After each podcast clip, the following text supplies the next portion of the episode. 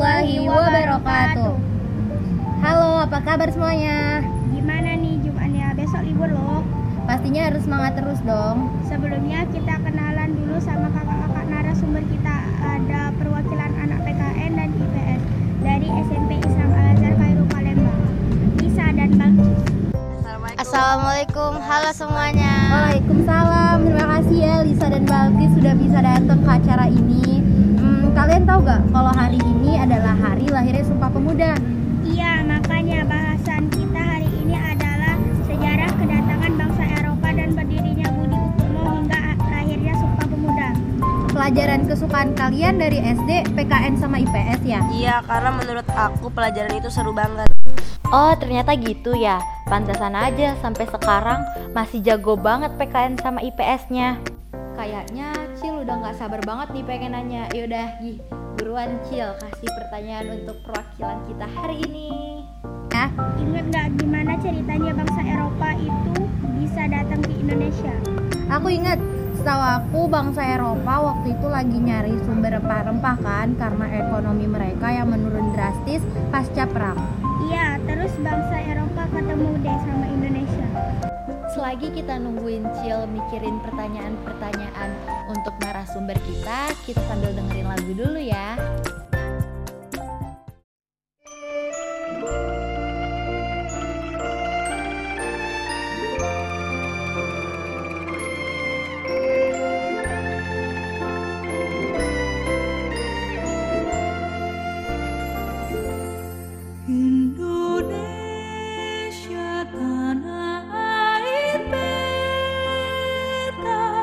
不散。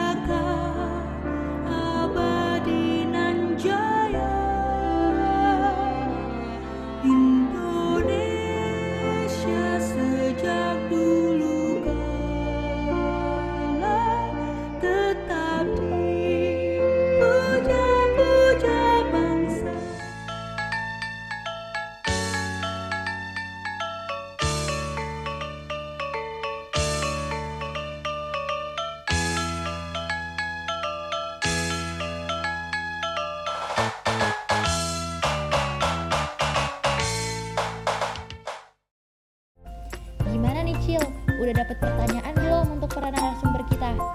Belum ya? Yaudah, aku dulu yang nanya ya. Nih, aku punya pertanyaan. Ada berapa negara Eropa sih yang pernah dijajah Indonesia? Kok perasaan banyak banget dan gak habis-habis? Ada Portugis, Spanyol, Inggris, dan Belanda. Tahu Cil kan awalnya cuma Portugis kan? Terus kenapa Spanyol ikut-ikutan ke Indonesia? Karena keberhasilan Portugis sampai ke Indonesia, terutama tempat rempah-rempah membuat Spanyol ingin mengikuti jejak Portugis. Oh, ternyata kayak gitu. Tujuan mereka ke Indonesia dapat kita singkat sebagai 3G. Ya, kepanjangan 3G adalah Gold mencari rempah-rempah, Glory menjajah, Gospel menyebarkan agama Nasrani. Oh, ternyata kayak gitu, Cil. Sekarang gantian aku dulu ya yang nanya.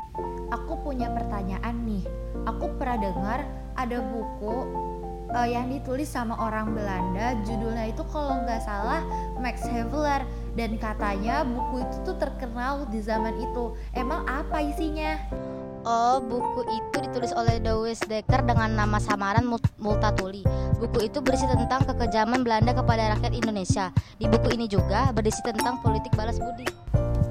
Iya, kalau nggak salah emang itu ditulis sama Multatuli. Hmm, Cil, sekarang aku lagi yang nanya ya. Hehe, aku punya pertanyaan. Soalnya aku kepo banget sama pertanyaan yang satu ini.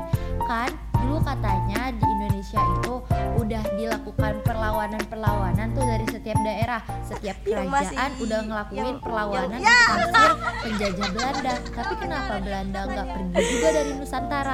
Aku tahu, ini mah pertanyaan gampang pasti Salah. Salah yang masa iya lupa cara meng- megang pedang. Ah, cuma nyoba ngelucu tapi garing. Jadi gimana, Kis? Itu karena Indonesia belum bersatu dan masih bersifat kedaerahan. Jadinya belum merdeka merdeka deh. Tapi saat Budi Utomo mulai berdiri, Indonesia mulai bersatu melawan penjajah. Sekarang lagi Budi Utomo, aduh ketahuan banget dah PKN sama IPS aku jelek banget ya Allah. Budi Utomo adalah suatu organisasi pemuda yang didirikan oleh Dr. Sutomo pada tanggal 20 Mei 1908. Budi Utomo ini menerima setiap perwakilan daerah. Contohnya ada Jong Java, Jong Sumatera, Jong Ambon, dan masih banyak lainnya. Nih, aku dulu waktu ulangan kenaikan kelas em, pernah dapet soal, soalnya itu udah eh, gini gini gini. Soalnya itu Budi Utomo udah melakukan dua kali kongres, Kongres Pemuda satu dan Kongres Pemuda dua. Terus apa hasil dari Kongres Pemuda satu? Terus aku nggak bisa jawab. Jadi ketahuan deh nilai ulangan kenaikan kelas PKN sama IPS aku kecil. Aku ingat pada Kongres Pemuda satu rasa kesatuan dan persatuan yang ada pada pemuda belum terbentuk karena sebagian besar pesertanya masih memiliki rasa kedara- kedaerahan yang sangat kuat. Karena itu pada bulan September 1926 didirikannya PPPI, Penghimpunan Pelajar-Pelajar Indonesia. Oh iya, aku jadi ingat. Makasih Ki sudah ngingetin. Terus setahu aku Kongres Pemuda 2 menghasilkan Sumpah Pemuda kan? Terus diikrarin deh Sumpah Pemuda itu. Ada yang inget gak isi Sumpah Pemuda? Sumpah pemuda pertama. Nah, nah, nah, nah, nah, nah. Ya, Cil kasih tahu ya. Sumpah Pemuda yang pertama itu pertama, kami putra-putri Indonesia mengaku bertumpah darah yang satu tanah Indonesia. Kedua, kami putra dan putri Indonesia mengaku berbangsa yang satu, bangsa Indonesia. Dan ketiga, kami putra dan putri Indonesia menjunjung tinggi bahasa persatuan bahasa Indonesia. Bener kan? Iya, benar. Iya, aku baru. Makna Sumpah Pemuda bagi kalian itu apa? Menurut Balkis, Sumpah Pemuda itu sebagai pengingat kita sebagai pemuda agar terus berjuang melakukan terbaik untuk bangsa.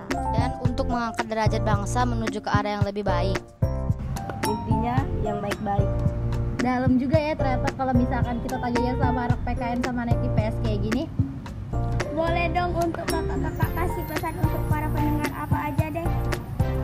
Eh, masa lalu itu bukan untuk dilupakan tapi untuk dipelajari agar ke depannya kita tidak melakukan kesalahan yang sama. Nih, aku juga punya. Sebelum kita menghargai para pahlawan, kita harus mengenal mereka terlebih dahulu. Karena tak kenal maka tak sayang. Jam sekarang jam berapa ya? oh iya aku waktu kita untuk siaran udah selesai gak kerasa ya makasih banget untuk Lisa dan Balkis yang udah nyempetin waktunya untuk ikut siaran Iya sama-sama kita juga senang bisa ikut siaran. Makasih juga untuk pendengar yang sudah setia mendengar dari awal hingga akhir. jangan masukin di hati ya kalau ada bahasa yang kurang enak untuk didengar Sekian dulu deh pertemuan kita kali ini. dadah assalamualaikum warahmatullahi wabarakatuh 100,100 FM.